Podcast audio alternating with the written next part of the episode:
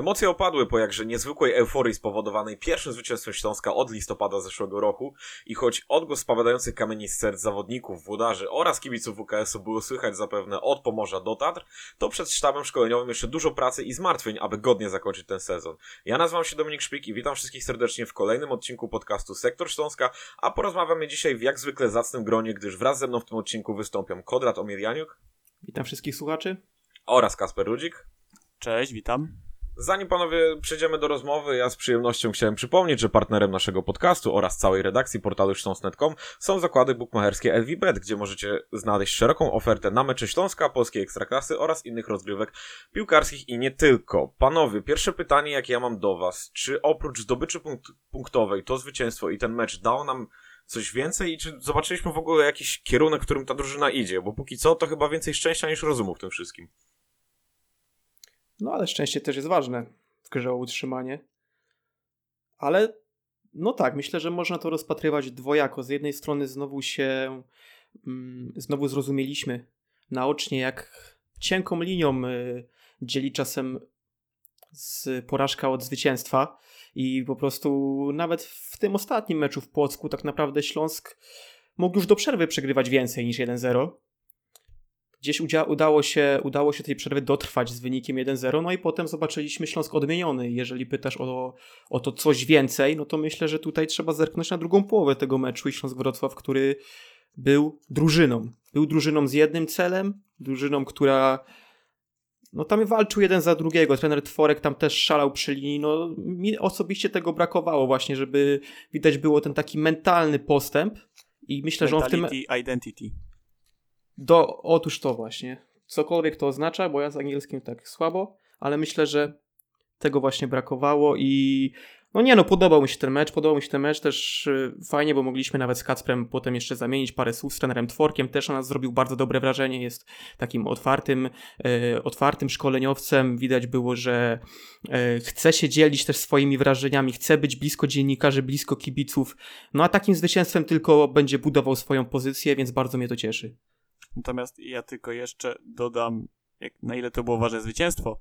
No to jako, że byliśmy tam na tym meczu i komentowaliśmy wspólnie, też mieliśmy okazję zobaczyć kilka rzeczy z boku i także chociażby włodarzy Śląska, którzy po drugiej bramce po prostu wyskoczyli w takiej radości, w taką ekstazę popadli, że aż kibice miejscowi się oburzyli i tam różne wulgaryzmy poleciały w ich kierunku, no ale myślę, że ta radość pokazuje, jak ważne było to zwycięstwo dla całego klubu tak naprawdę, przerwanie tej fatalnej serii. No tak, gdyby tam ochroniarzem nie był ktoś tam z grupą inwalidzką, w sensie, gdyby był, gdyby ochroniarzem był ktoś z grupą inwalidzką, a nie rzeczywiście postawny chłop, który był w stanie odciągnąć tych kibiców e, Wisły Płock, no to tam chyba marny los by spotkał e, prezesa Waśniewskiego i jego kolegów.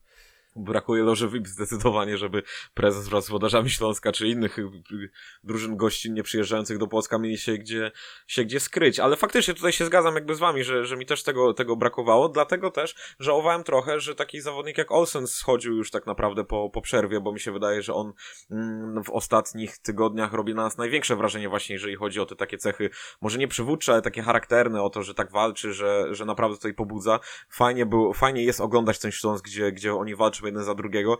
I my często jakby naśmiewamy się z, z tych argumentów, że za każdym razem, kiedy Śląsk przegrywa, to po prostu nie zapieprzali, e, brakowało im charakteru, nie chciało im się i tak dalej. Mm, ale jednak faktycznie ta, w takiej sytuacji, w jakiej Śląsk się obecnie znalazł, jest to, jest to jak najbardziej potrzebne i widać, ale właśnie e, wracając do Olsena i a propos mm, tego, czy to był łód szczęścia, czy jednak zmysł taktyczny trenera Tfolka, tutaj się zgadzamy, że na razie to jest szczęście, ale mamy nadzieję, że przy przerwie na reprezentację mm, trener Tworek popracuje trochę nad schematami, które wniosą Śląsk jeszcze wyżej w tabeli. Ja byłem mocno zdziwiony właśnie postawieniem Olsena, który w, w większości fragmentów swojej gry grał bardziej ustawiony na skrzydle. No pomysł nie dość dziwny. Ucierpiał mi się wydaje na tym sam zawodnik, który złego spotkania nie rozgrywał, ale ewidentnie czuł się nieswoje na, na tej pozycji. To też jest trochę oznaka takiego braku zaufania do pozostałych zawodników, jak e, rozczarowujący są inni w kadrze piłkarze, którzy mogliby zagrać e, na boku.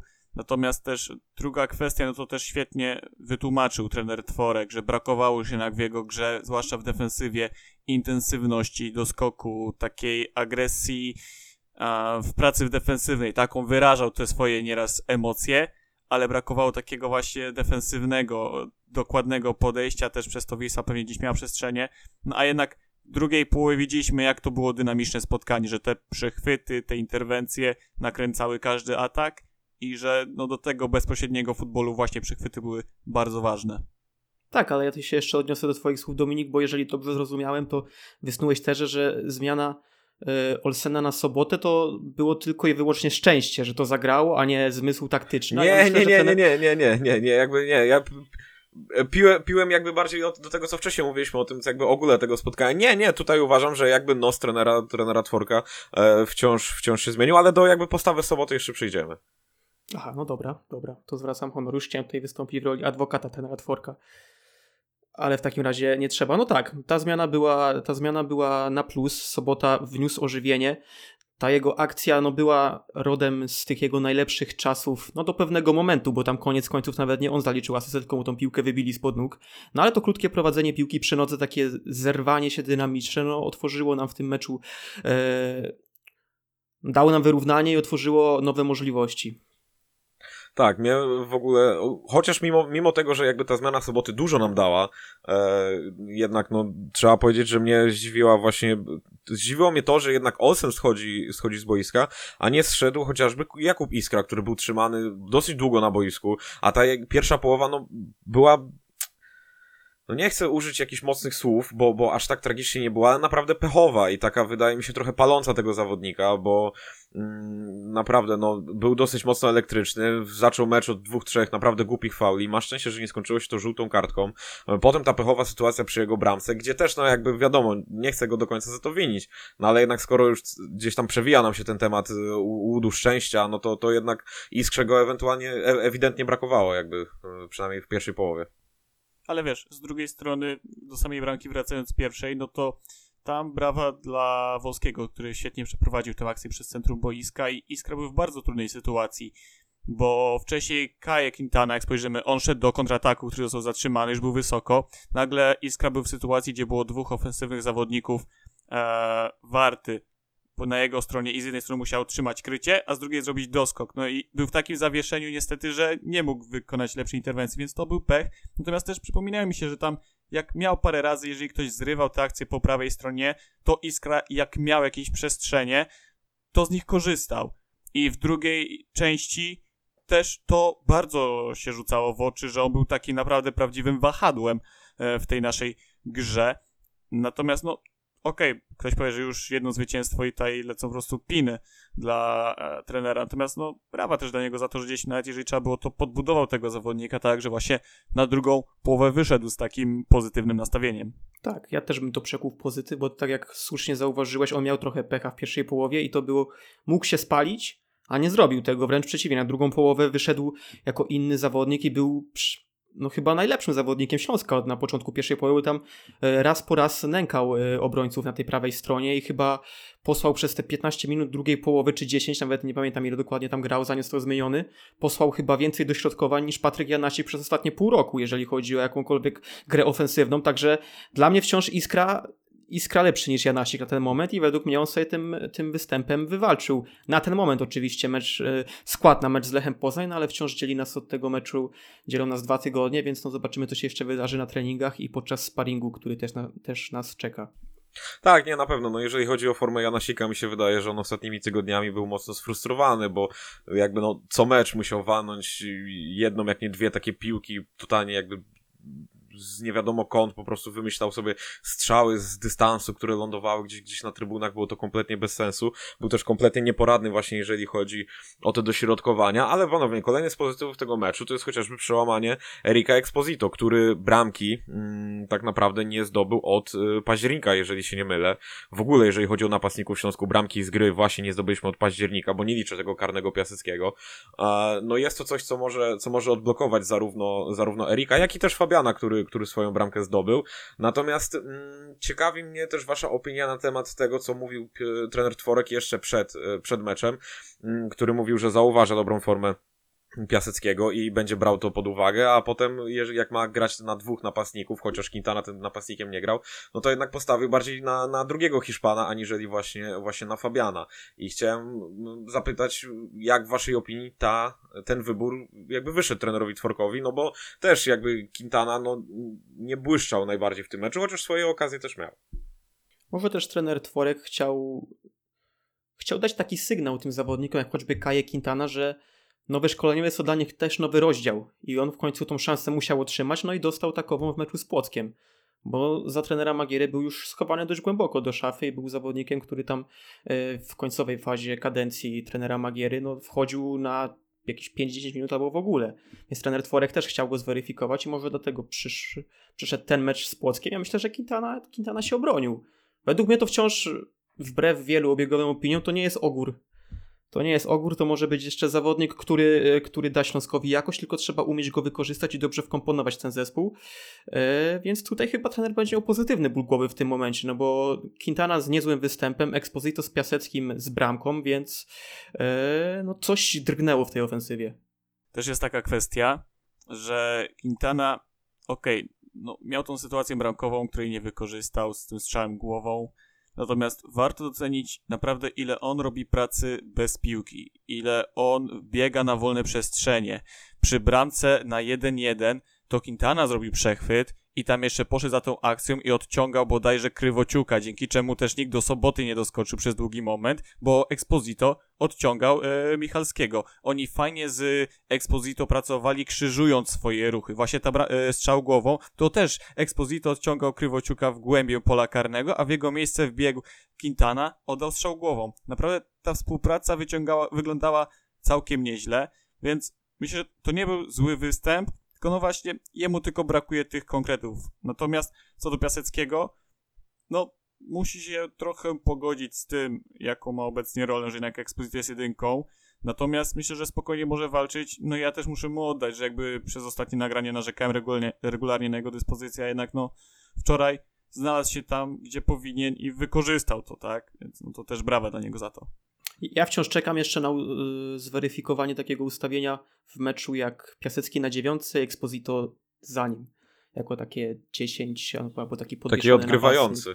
Tak. Tak jak to podobnie jak teraz było Exposito Quintana, tak teraz Piasecki Exposito, tylko że to Exposito byłby tym nieco niżej grającym. No wtedy też Exposito by musiał bardziej w defensywie pracować, schodząc do boków. Dobrze, niech pracuje. Zależy, jak, zależy też, jakbyśmy wtedy obstawili sobie, sobie środek, tak? Bo tak naprawdę moglibyśmy środek pola wtedy zagrać bardziej defensywnie. E, I do tego środka pola też mówię, myślę, że trochę możemy przejść. Bo mi na przykład ostatnio bardzo się podoba postawa Szwarca i to póki co może nie do końca, może nie aż tak bardzo w aspektach pikarskich, co właśnie w tych aspektach, o których wcześniej rozmawialiśmy, czyli tym takim ożywieniu jego pod kątem takim, że po prostu on, on wygląda jak, jak taki nowy człowiek, nie? Jakby, że za Magiery wydawało mi się, że był mocno przymulony, mocno schowany, taki bojaźliwy, brakowało mu tej odwagi boiskowej. Teraz tej odwagi nabiera coraz więcej, chociaż nie ustrzega się przy tym błędów, bo, bo, bo też głupie straty potrafi zaliczyć. Czasami też biega, biegał za tą piłką, przynajmniej w Polsku, jak, jak taki kurczak bez głowy, po prostu bez, bez pomysłu, bez polotu. E, ale wydaje mi się, że może to być kolejny zawodnik, któremu ta zmiana posłuży, chociaż Wisła akurat w tym meczu wydaje mi się, że dosyć mocno sobie ten środek pola zdominowała i chociażby przy bramce właśnie dla Polsczan, tam, tam były notorycznie dosyć duże dziury. I wydaje mi się, że, że, że jakby gdzieś tam ta, jeżeli Olsen grał na boku, mieliśmy Mączyńskiego, Szwarca i Quintanę jako, nie wiem, tą podwieszoną dziesiątkę fałszywego napastnika, nazwijcie to jak chcecie, e, no to jakby tworzyło to spore problemy, bo po prostu, no, brakowało tam jednego zawodnika. No, zwracaliśmy na to uwagę w transmisji razem z Kacprem, że tak, miałeś rację w pierwszej połowie.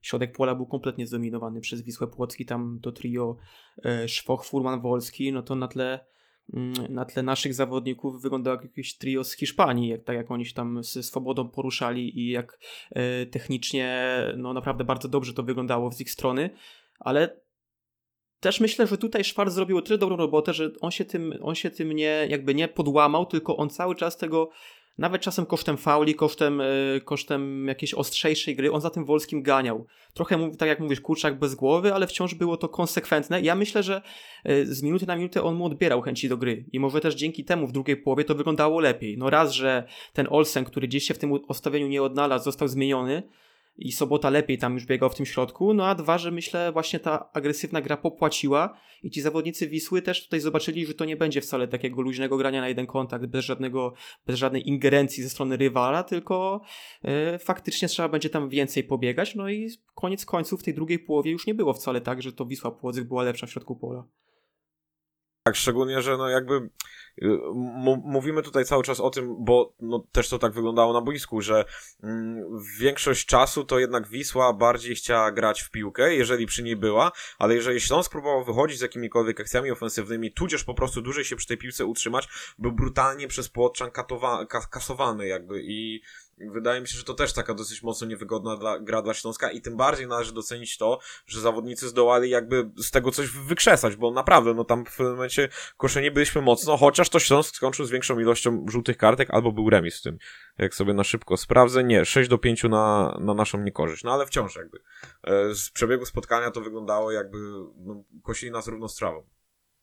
To ogólnie był dosyć taki agresywny mecz, bo były różne spięcia, ale właśnie bardziej w drugiej połowie też, e, no, trzeba pamiętać o tym, że jeżeli w Ekstraklasie jakiś zespół wychodzi z tak wysokim, agresywnym pressingiem, to jednak musi się też odbić i dobrze, że Śląsk przetrwał ten gorszy okres w pierwszej części spotkania, bo z kolejnymi minutami Wisła trochę opadała z tej intensywności i robiły się przestrzenie, tak? No samo to nawet jak wyglądała końcówka pierwszej połowy, że tam Śląsk gdzieś miał te sytuacje czy stałe fragmenty, też o tym świadczy, więc no taki etap tego meczu był, też Śląsk miał nowe ustawienie, więc to wszystko jakby złożone wpłynęło na taki, a nie inny obraz e, tego meczu, tak? Panowie, e, zobaczyliśmy również drugi występ w barwach Śląska Gretarsona. E, ja nie wiem, co o nim myśleć póki co. Wydaje mi się w miarę solidnym grajkiem, natomiast jakby, znaczy inaczej, zaliczył w miarę solidny występ, bo jakby nie popełnił, wydaje mi się, żadnego rażącego błędu, ale też yy, nie widziałem jego jakiejś spektakularnej akcji w defensywie. Yy, ciężko mi też określić do końca jego walory, bo też przy rozegraniu zdarzyły mu się jeden czy dwa takie błędy, gdzie, gdzie po prostu zaliczył niecenne podanie, które mogły, mogły się skończyć źle. No jestem ciekaw waszej oceny, bo też widzieliście to na żywo, więc pewnie mieliście lepszy ogląd na, na tę sytuację. Tak, na żywo rzuciło się w oczy te problemy czasem z wyprowadzeniem piłki, ale to możemy to zrzucić na karp murawy, która była fatalnie przygotowana i tam no, momentami gdzieś po prostu piasek latał na lewo i prawo pod nogami zawodników biegnących, biegnących po tej murawie, więc popełnił parę błędów faktycznie w wyprowadzeniu piłki, ale jeżeli chodzi o samą grę defensywną, to faktycznie nie rzucał się w oczy, ale to w sumie czy to nie o to chodzi w defensywie? Czy właśnie my potrzebujemy? My już mieliśmy wystarczająco spektakularnych występów w tej defensywie na plus czy na minus, a może właśnie taki gość, który przyjdzie po prostu tam będzie wykonywał swoją robotę, to jest to, czego nam w tym momencie potrzeba, więc myślę, że generalnie mecz na, na plus w jego wykonaniu. Dla mnie on się wcale nie musi rzucać w oczy, niech robi swoją robotę w tyłach i będzie ok. Tak, tym bardziej, że też nie miał łatwego zadania po swojej stronie, bo jednak e, Wiktor Garcia to bardziej ofensywny zawodnik gdzieś mocno się podłączał i nieraz no, był łatwo dosyć ogrywany. Natomiast e, wywiązał się dobrze z swoich zadań. Nie mam, niestety, no nie mamy już tych statystyk jak dawniej, żeby to gdzieś porównać w liczbach. Natomiast e, no, w sumie można tylko potwierdzić to, co Konrad stwierdził, tak, że no, zagrał solidnie, nie, był mało widoczny, ale no, miał interwencje swoje potrzebne.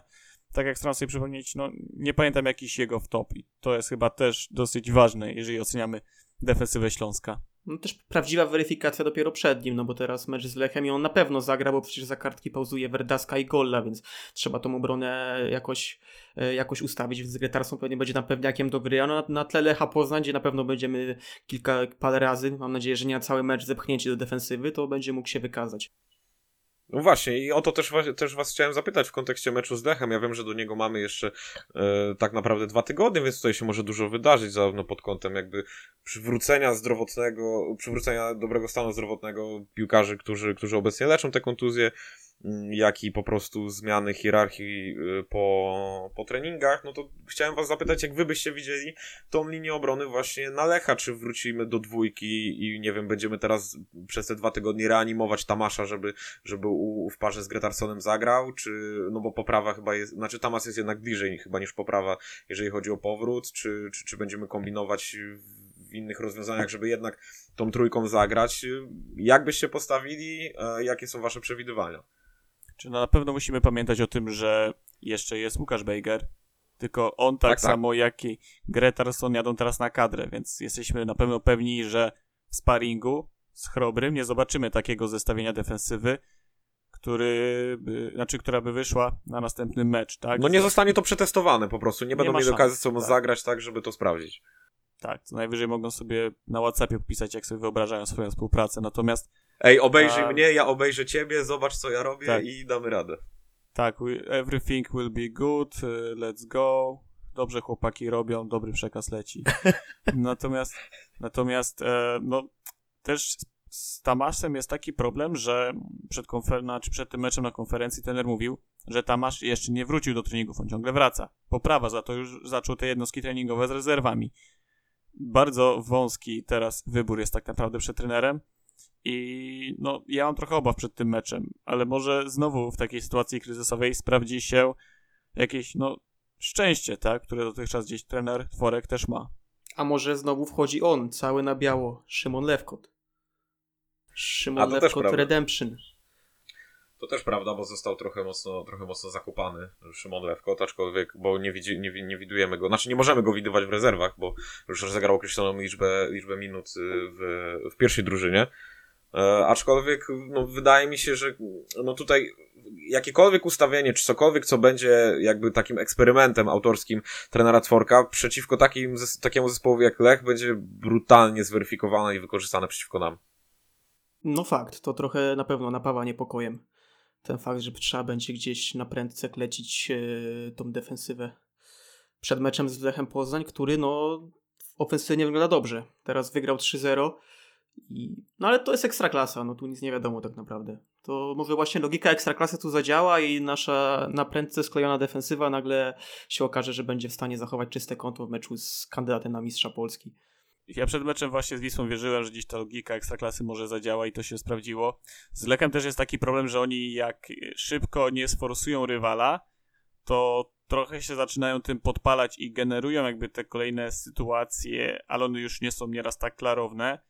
Bardziej już się skupiają na tym rozegraniu, trochę walą głową w mur. I to też daje opcję do skontrowania, tak? A no właśnie z Wisłą Śląsk pokazał, że potrafi te bardzo groźne kontry wyprowadzać, tak? To też będzie wtedy pole do, do popisu właśnie dla Garcji czy Iskry, tak? Więc no, tu też jest pewien potencjał na ten mecz. Tak, tak, jakby zgadzam się z tym na pewno. Lech, i, Lech ma to do siebie, że w, w tym sezonie, a przynajmniej od, od pewnego czasu, że jeżeli szybko rywala nie zdominuje, nie przypieczętuje tej dominacji bramką, to potem zaczyna się męczyć i jakby e, trochę, trochę frustrować, trochę pojawia się jakieś zagubienie, pojawiają się błędy w rozegraniu, co można wykorzystać. Tylko że Śląsk również nie potrafi ostatnio dobrze wejść w mecz. Śląsk się ratuje zmianami, Śląsk lepiej wygląda po przerwie, Śląsk jako pierwszy zawsze traci bramkę, więc y, tego też się jakby obawiam, że po prostu mm, my tego nie dźwigniemy mentalnie prędzej niż Lech tego nie dźwignie. No ale też dlatego tutaj ważne jest to zwycięstwo, jeżeli chodzi o ten właśnie aspekt mentalny, szczególnie, że było przed przerwą na kadrę, no i może to są trochę oklepane komunały, że zwycięstwo przed przerwą na kadrę zawsze jest y, podwójnie ważne, bo można pozytywnie pracować przez dwa tygodnie, no ale akurat y, w, teraz w sytuacji Śląska i tego, jaką mieliśmy tam serię tych meczów bez zwycięstwa, no to myślę, że to na pewno zadziała. Więc ta drużyna będzie mentalnie odnowiona, te głowy troszkę się zresetują i myślę, że akurat o, te, o tą postawę mentalną tutaj nie trzeba się aż tak martwić.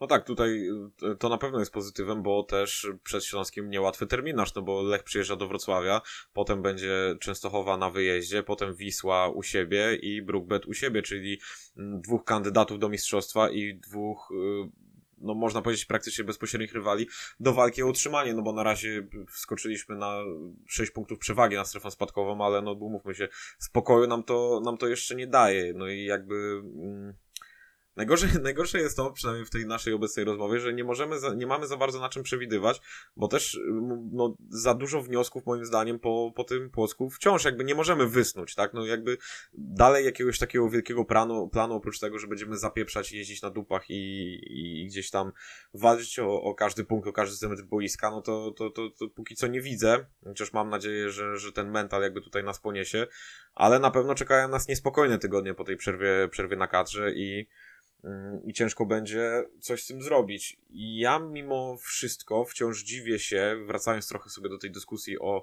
o ustawieniu na, na mecz z Płockiem i o tym, że Olsen zagrał z boku, że na przykład nie daliśmy tam szansy zagrać e, Łyszczarzowi, który moim zdaniem by tam o wiele lepiej pasował, bo grywał i to niejednokrotnie grywał na, na pozycji skrzydłowego i, i wydawało mi się, że takim, że taki odwrócony skrzydłowy z inklinacją do do środka mógłby tam zagrać przynajmniej trochę lepiej, tak?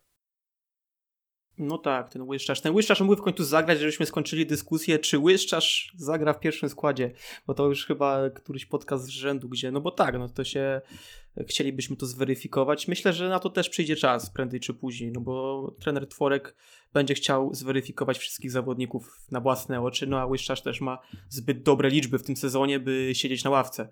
I też pamiętajmy, że w meczu z Radomiakiem Łyszczarz też dostał swoją szansę z ławki, więc to nie jest tak, że jest kompletnie schowany. Nie wiem, ja ciężko mi trochę ocenić, jaki był do końca pomysł taktycznie na tą pierwszą połowę, bo okej, okay, jeżeli Olsen był tym fałszywym skrzydłowym, to właśnie kwestia, jak on miał się poruszać po tym boisku. I jednak no, on miał gdzieś chyba ścinać do środka i szukać właśnie strzałów, trochę podobnie jak na Radomiak, tam byli ci skrzydłowi, on miał podobnie się gdzieś poruszać, no ale to nie wypaliło. Natomiast e, nie wiem, może nawet i lepiej, że Adriana nie było w tym meczu, bo to też był bardzo ciężki początek dla niego i może, no szkoda, że może nie dostał szansy gdzieś potem z ławki, natomiast myślę, że dobrze, że taka sytuacja dotknęła właśnie może Olsena po tych 45 minutach zmiana, a nie Adriana. To też prawda, chociaż e, tak jak już, tak już Konrad podkreślił, ta dyskusja o szczarzu już się ciągnie. Mnie po prostu dawno tu nie było, dlatego się muszę wygadać jakby z tego tematu i, i z przemyśleń, jakie, jakie mam na ten temat. No mnie po prostu jakby y, no, zastanawia trochę to, bo szukam, wydaje mi się, że momentami jakby szukamy, szukaliśmy zawodnika na pozycję, którego już tak naprawdę mamy, tak? Czyli szukamy kogoś, no teraz wystawiliśmy Quintana i Quintana się sprawdził, tak? Na pozycji tego jakby najbardziej ofensywnego pomocnika, łamane na napastnika i wydaje mi się, że w takiej roli również Łyszczarz mógłby się, mógłby się dobrze sprawdzić. Po prostu szkoda mi jakby chłopaka, że, że no ten jego potencjał, który ewidentnie ma, nie jest w pełni wykorzystywany i, i ratujemy się jakby takimi mm, takimi rozwiązaniami, takimi zawodnikami, mimo tego, że swoją przydatność już udowodnił. Czy no, może z drugiej strony właśnie błędnie oceniamy ten potencjał, chociaż no liczby pokazują coś innego. Nie wiem, no ciężko mi to też właśnie do końca zrozumieć tak naprawdę. Natomiast warto też pamiętać o tym, że tak naprawdę Śląsk zagrał taktycznie w bardzo podobny sposób, jak grał za trenera Magiery, bo to też były te dwie dziesiątki takie schodzące do boków, asekurujące tamte strefy, więc to też nie było jakieś duże zaskoczenie, no i mógł tam rzeczywiście wejść Łyszczarz, bo też na tej pozycji już grywał. No, dlatego też mówiliśmy w drodze powrotnej z tego meczu, że trener Jacek Magiera do swojego notesu wpisał trzy punkty za ten mecz, bo to był jego pomysł.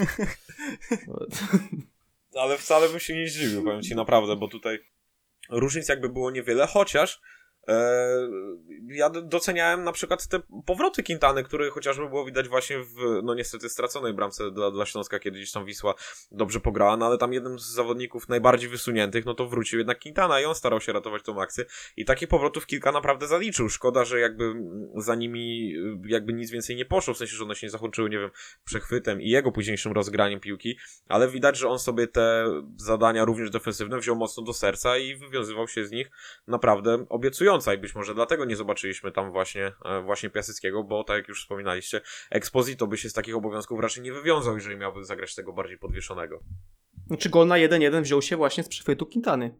On był tam dobrze ustawiony w środku pola i prze, prze, przeciął podanie zawodnika Wisły Płock, nie pamiętam dokładnie którego, ale właśnie pokazał, że jest w stanie... Chyba Furmana. W środku, tak, tak, to był chyba Dominik Furman. Dobrze się ustawił, gdzieś zmusił go do takiego zagrania, jakie chciał dostać, przeciął tą piłkę i z tego poszedł gol na 1-1. Także miał też bardzo duży udział w tej bramce. A w pierwszej połowie był blisko strzelenia gola, tam świetnie na linii się zachował Kamiński, gdy wyłapał jego strzał głową i też przypomina mi się taka akcja e, prawą stroną, gdzie przy kontrze ładnie tam pociągnął skrzydłem i dograł świetną piłkę w pole karne, także było dużo konkretów, jeżeli chodzi o Quintanę w tym meczu. Tak, tylko znowu jakby był pechowy, nie? No bo jakby te, te konkrety od niego mi się wydaje, że już też widzieliśmy wcześniej, kiedy te, kiedy te szanse dostawał. E, może nie w ostatnich miesiącach, ale, ale gdzieś tam na początku po, po jego przyjściu do Śląska. Tylko właśnie zawsze miał pecha. No i w, zaliczył słupek, tak? W, w, w pierwszym meczu mm, tej rundy. E, wcześniej też jakby miał sytuację, gdzie bramkarze praktycznie wybijali, wybijali tę piłkę z linii. E, wydaje mi się, że, że takie zaufanie, jakim e, obdarzył go trener Tworek właśnie na mecz z Wisłą Płock i jakim, miejmy nadzieję, obdarzy go na przyszłe spotkania, może tylko i wyłącznie procentować. No zgadzam się. To jest zawodnik, który gdzieś brakuje mu tych paru centymetrów nieraz, żeby właśnie pojawiły się te cyfry. Też koledzy no, nie robią pożytku z jego polem, bo to, co Konrad powiedział o tej akcji prawym skrzydłem, no to warto wspomnieć, że tam bardzo mądrze wycofał tą piłkę. Nie robił takiego dośrodkowania, się to uwidzieć na pałę, byle na piąty metr rzucić i może ktoś tam wciśnie.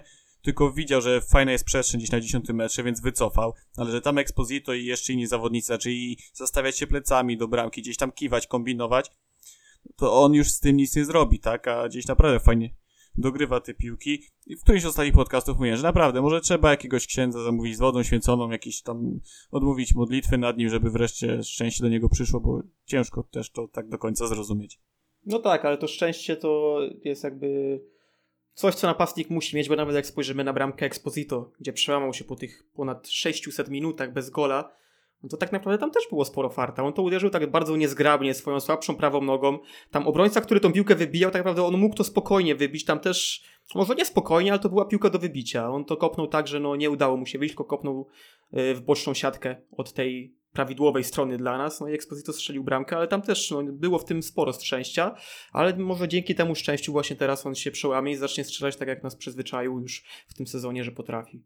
Z drugiej strony też mieliśmy no trochę pecha, bo jak sobie przypomniałem przecież mecz z Piastem, to tam była jakaś kulminacja, ten samobój Jana Sika, poślizgnie, poślizgnięcie się Werdaskim, przecież to wszystko było jakby skumulowane w tym jednym meczu, więc może też nam trochę los jednak to oddaje w tym momencie. No ale nie no, czy samobój Jana Sika to był pech? No to po prostu był błąd techniczny najzwyklej w świecie, tu się nie zgodzę, że to był pech. Też ale nie wiesz, możemy piłka, podciągać... Piłka weszła w okienko, a mogła wiesz, 30 cm w drugą stronę przelecieć i by była skuteczna interwencja. Nie no, jasne, wiem, że to był też błąd techniczny, ale mi chodzi o kulminację takich zdarzeń, wiesz, po prostu.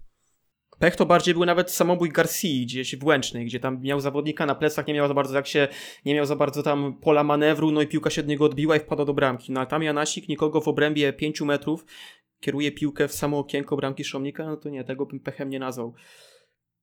Pechem bym nazwał chociażby pośrednicie Werdaski właśnie też w tym meczu, w tym meczu z Piastem, bo, bo, bo tutaj gdzieś tam, no, no takie rzeczy się nie zdarzają, tak, no jakby zawodowemu piłkarzowi, no to raczej ciężko, żeby sam z siebie po prostu gdzieś tam taki błąd y, zaliczył. Panowie, ale wymieniliście nazwisko Werdaski i ja chciałbym e, może nie raz, a dobrze zakończyć tą dyskusję, ale gdzieś wyciągnąć jakby końcowe wnioski z tego. Bo musimy chyba przestać nazywać Werdaskę bohaterem tragicznym, a chyba zacząć go nazywać bohaterem pozytywnym, a przynajmniej przekonać innych kibiców Śląska, którzy dalej widzą w nim głównego zapalnika linii obrony. Mm, no bo jakby to jest kolejne spotkanie, które on zagrał na naprawdę solidnym poziomie, pokazał się z dobrej strony, jeżeli chodzi o wyprowadzenie ale w tej defensywie daje naprawdę coraz więcej pewności i, i konkretów i moim zdaniem jakby naprawdę staje się solidnym punktem defensywy Śląska, może niedługo nawet solidniejszym niż y, Wojtek Gola, po którym jakby no, brakuje mu pewnych cech, pewnych zachowań, które jeszcze widzieliśmy e, za jego, chociażby na początku tego sezonu, za czasów jego świetności. No, tam mi się przypomina taka sytuacja jedynie przy Verdasce, to akurat ja patrzyłem w monitor i opierałem się na tym, co e, Konrad mi mówił, bo jakieś techniczne rzeczy ogarnia, natomiast była taka sytuacja, gdzie nam chyba podał tak bardziej pod zawodników Wisły Płock, że zrobiła się z tego jakaś kontra, ale została na szybko zatrzymana. No ale poza tym rzeczywiście on bardzo pewnie interweniuje, w powietrzu jest bardzo dobry. Um, też ma trochę takiego cwaniactwa, że jak trzeba gdzieś wsadzić tą nogę, sprowokuje, gdzieś tam się wywali. Tam pamiętam, że parę razy leciały sążniste gwizdy z trybun, że tam właśnie Ferdaska znowu gdzieś coś wymusił czy sprowokował. No tak trzeba grać też w tych sytuacjach, więc no ja mam nadzieję, że naprawdę ludzie przestaną strzelać tak jak wcześniej strzelali w ciemno, że Lewkot zagrał słabo, bo jest lewkotem, tak jakby nie oglądali meczu. Tak samo w Verdasce, no okej, okay, mecz z Piastem to co innego, ale zbierał mu się raz po prostu za to, że właśnie jest kim jest i tyle. Myślę, że nie do końca jednak, no bo popełniał gafy, które się rzucały w oczy. To był jego nawet jak grał dobry mecz, to był w stanie wszystko zaprzepaścić, no chociażby takim poślizgnięciem się, no to w sensie dużo zrobił negatywnego i teraz musi zrobić dużo pozytywnego, żeby to wyszło neutralnie. Zgadzam się, że jest wciąż materiałem na dobrego obrońcę, ale też nie chciałbym robić tak jak powiedziałeś, że nie jest bohaterem tragicznym, tylko bohaterem pozytywnym, to nie, jeszcze bohaterem pozytywnym nie jest. Ale myślę, że jest na dobrej drodze. No i też trzeba znowu wrócić do faktu, że przecież to był gość, który był ściągnięty do Śląska Wrocław, a wcześniej przez rok nie grał w piłkę. Więc no i to też usprawiedliwia go na tyle, że wiedzie, widziały gały, co brały. Więc to nie możemy wymaga wymagać, no niestety, to nie, nie, ma, nie ma cudów. Przychodzi, przychodzi zawodnik, który rok nie grał w piłkę, no to swoje swoje musi spieprzyć chyba, niestety. No i też trzeba pamiętać o tym, że jak on jednak przychodził, to przychodził w sytuacji, gdzie numerem jeden tam po lewej stronie był Mark Tamasz i on nie był przewidziany do grania. Z tego co wiem, no na, na obozie przygotowawczym pojawił się z kilku kilogramową chyba nadwagą, ale jednak e, gdzie, jeszcze mówię o latem, e, o lecie oczywiście mówię, żeby nie było, że teraz zima, on przyjechał jakiś nie wiadomo jaki. Natomiast jak przyjechał, było widać, że no, ma trochę nadrobienia zaległości, ale że dobrze się prezentuje, tak? Więc e, no, po prostu za szybko trochę został wrzucony na tego konia, niż chyba było to początkowo zakładane i popełnił tych parę błędów na początku głównie. I tak gdzieś to się ciągnęło. Znowu ktoś powie, że no, bronię tego Ferdaski na siłę, ale no, no uważam, że naprawdę jest kilku innych zawodników, którzy też popełniali większe błędy, a im się nie obrywało, bo był taki naczelny Werdaska, w którego można było walić, co by nie zrobił. Nie, na pewno faktem jest, że ta defensywa zaczęła wyglądać, zaczynała wyglądać coraz bardziej solidnie, no bo co też jest zrozumiałe, bo po prostu potrzebują się ci ludzie ze sobą zgrać w meczach o punkty. No, zaczynali się zgrywać, tym bardziej teraz szkoda, że dwie, dwa kluczowe filary tej defensywy wypadają na mecz z Lechem Poznań. Tak, wydaje mi się, że też w przypadku Werdaski trzeba rozróżnić e, mecze z rundy jesiennej, a, i początku sezonu, a mecze z obecnej rundy, no bo jednak jakby zgadzam się z tym argumentem, że przychodził do nas zawodnik, który e, rok, nie grał, rok nie grał w piłkę, który miał nadwagę, był nieprzygotowany generalnie i wskoczył dosyć, dosyć szybko do składu, no tak już ma ze sobą e, tak naprawdę rozegraną rundę, tak, no już jakby 19 meczów w Śląsku ma już rozegranych, ma ze sobą e, okres przygotowawczy w pełni, e, jakby, który przeszedł ze, ze Śląskiem, więc jakby wydaje, teraz to jest ten kluczowy moment, po którym powinniśmy przede wszystkim od niego wymagać, ale też rozliczać go w 100% bez żadnych gdzieś tam usprawiedliwień i po prostu wydaje mi się, że, że tak jak Konrad też powiedziałeś, może nie jest obecnie bohaterem pozytywnym, ale jakby jest na dobrej drodze do tego, żebyśmy, e, nie wiem, na koniec tego sezonu albo na początek przyszłego od niego zaczęli, nie wiem, układanie składu i twierdzili, że jest on e, jednym z najpewniejszych punktów Śląska, no bo, no bo na taką postać po prostu wyrasta obecnie. Ja mam nadzieję taką, że to się stanie też z tego powodu, że swego czasu na początku sezonu z Maciejem Gilem byłem skauty na Twitterze, się zakładałem o to, chciałem się założyć, ale stwierdziłem, że jednak zbyt to jest ryzykowne, ale tak czułem, że on może stać się podstawowym obrońcą, więc chciałem, żeby był tym podstawowym obrońcą i dobrym zawodnikiem, bo też bym wtedy gdzieś tam gdzieś odkopać tego tweeta, ale no potencjał ma na to. No to już wiemy, kto forsuje, kto forsuje Werdaskę w składzie cały czas. Tak. Już macie, nie, nie polecam zakładów na Twitterze. Ja się raz założyłem z naszym redakcyjnym kolegą, że Pawłowski będzie lepszy w Kanadyjce niż Pich. Do tej pory nie zapłaciłem jeszcze za, za ten przegrany zakład. Dlatego wyjechałeś do Warszawy. Dlatego tak, musiałem uciekać z Wrocławia, bo, bo po prostu no, gonili mnie już y, smutni panowie w czarnym BMW. E, ostatni temat, jaki mam, panowie, e, do którego już tak naprawdę wcześniej powinniśmy przejść, ale chodzi mi o to wejście Smoka Soboty, e, który no, uratował nam trochę to spotkanie, bo gdyby nie jego akcja, no to Exposito pewnie nie miałby tak dogodnej sytuacji do, do, strzelenia, do strzelenia bramki, ale ja znowu widziałem jego pie dobre pierwsze 20 minut, a potem jakby z minuty na minutę było coraz gorzej. I nie wiem jak to tłumaczyć, czy to jest y, już kwestia wieku, czy to jest już kwestia jakby przygotowania fizycznego, czy czego jeszcze innego, no ale po prostu widać, y, no, widać po, po sobocie, że jest to piłkarz już jedną nogą na emeryturze, przynajmniej moim zdaniem. I, i, i nie wiem, czy, czy, czy mimo takich akcji, jaką, jaką zaliczył w Polsku, czy dalej jest sens jakby forsowanie go e, jako, ja, jako zawodnika Śląska, czy lepiej postawić po prostu na, na kogoś innego? No, mi się zdaje, że jeżeli ma dawać jakąś jakość jako zmiennik, no to no niech wchodzi, tak? Niech te decyzje się tylko bronią. Jak na razie za trenera Tworka zagrał dwa mecze i o ile z Radomiakiem był tragiczny, dał teraz dobrą zmianę. Może to być jakiś zawodnik, który jeszcze do końca sezonu będzie wchodził i dawał te pozytywne akcenty, więc no, no ale no coś w tym jest rzeczywiście, że dobre wejście miał, potem gdzieś znikł i tak sobie przypominam nawet te późniejsze rajdy, no to potem mi się wydaje, że bardziej aktywność wynikała z tego, co no, też korzystał Iskra na tej współpracy przez parę minut y, z sobotą, jak jeszcze grał, ale potem ciężko mi sobie tak przypomnieć z głowy, może tutaj Konrad mnie sprostuje, albo ty, ale żeby jakieś takie akcje bardziej zależące od soboty, że to był taki nacisk soboty, to sobie nie przypominam już potem właśnie w tych ostatnich 20 minutach. No tak, ja myślę, że Sobota też już nie będzie zawodnikiem pierwszego składu Śląska Wrocław, ale wciąż możemy właśnie liczyć na takie jego wejścia z ławki. Takie właśnie wejścia chyba jak w Płocku, że raz podciągnie ładnie akcję, pokaże to swoje krótkie prowadzenie piłki, da może jakąś asystę, a dwa, jeżeli mówimy o pozytywnych jeszcze akcjach, to w końcówce meczu, po stracie po strzelaniu bramki na 2-1, gdy jeszcze gra została wznowiona, on gdzieś tam ładnie się zastawił, takim, widać, że no po prostu popisał się doświadczeniem i ładnie wywalczył, wywalczył rzut wolny, sprawił, że Wisła Płock nie była w stanie już wyprowadzić żadnej tam ostatniej despera- desperackiej akcji, która jak wiemy często w przypadku Śląska kończy się stratą gola w końcówce, więc to jego doświadczenie, dobre ustawienie się też nam pozwoliło e, zachować spokój do końca i właśnie chyba to jest to, czego można od niego wymagać w tej sytuacji. I no chyba już niczego, niczego więcej, no bo co on już miał dać dobre Śląskowi, to dał i to było parę lat temu, no widzieliśmy już go w zbyt wielu spotkaniach po powrocie, by wciąż wierzyć, że to będzie zawodnik, który znowu będzie decydował o jakości Śląska, ale wciąż wierzę, że jeszcze jako gość e, wchodzący z ławki i jako przede wszystkim ten doświadczony piłkarz w szatni będzie tutaj e, jedną z kluczowych postaci do końca tego sezonu, no i potem kończy mu się kontrakt i jestem ciekawy, jaki klub ma na, jego, na niego plan. Tak, no plotek i pomysłów pojawiało się już wiele, podobno cały czas dyskusje z sobotą trwają e, o, o jego przyszłej roli zarówno w drużynie, jak i w klubie, w klubie w Śląsku. Zobaczymy, jak to będzie wyglądać. Ja jakby cały czas będę forsował jakby mm, swoją teorię, że po prostu już y, już wolę temu przysłowiowemu łyszczarzowi, bo może niekoniecznie Adrianowi, ale jakiemuś po prostu młodszemu zawodnikowi dać. Przysłowiowy łyszczarz. No wiesz, przysłowiowy łyszczarz, czyli zawodnik z potenc- młody zawodnik z potencjałem, Łyszczarz w składzie, Śląskowi lżej.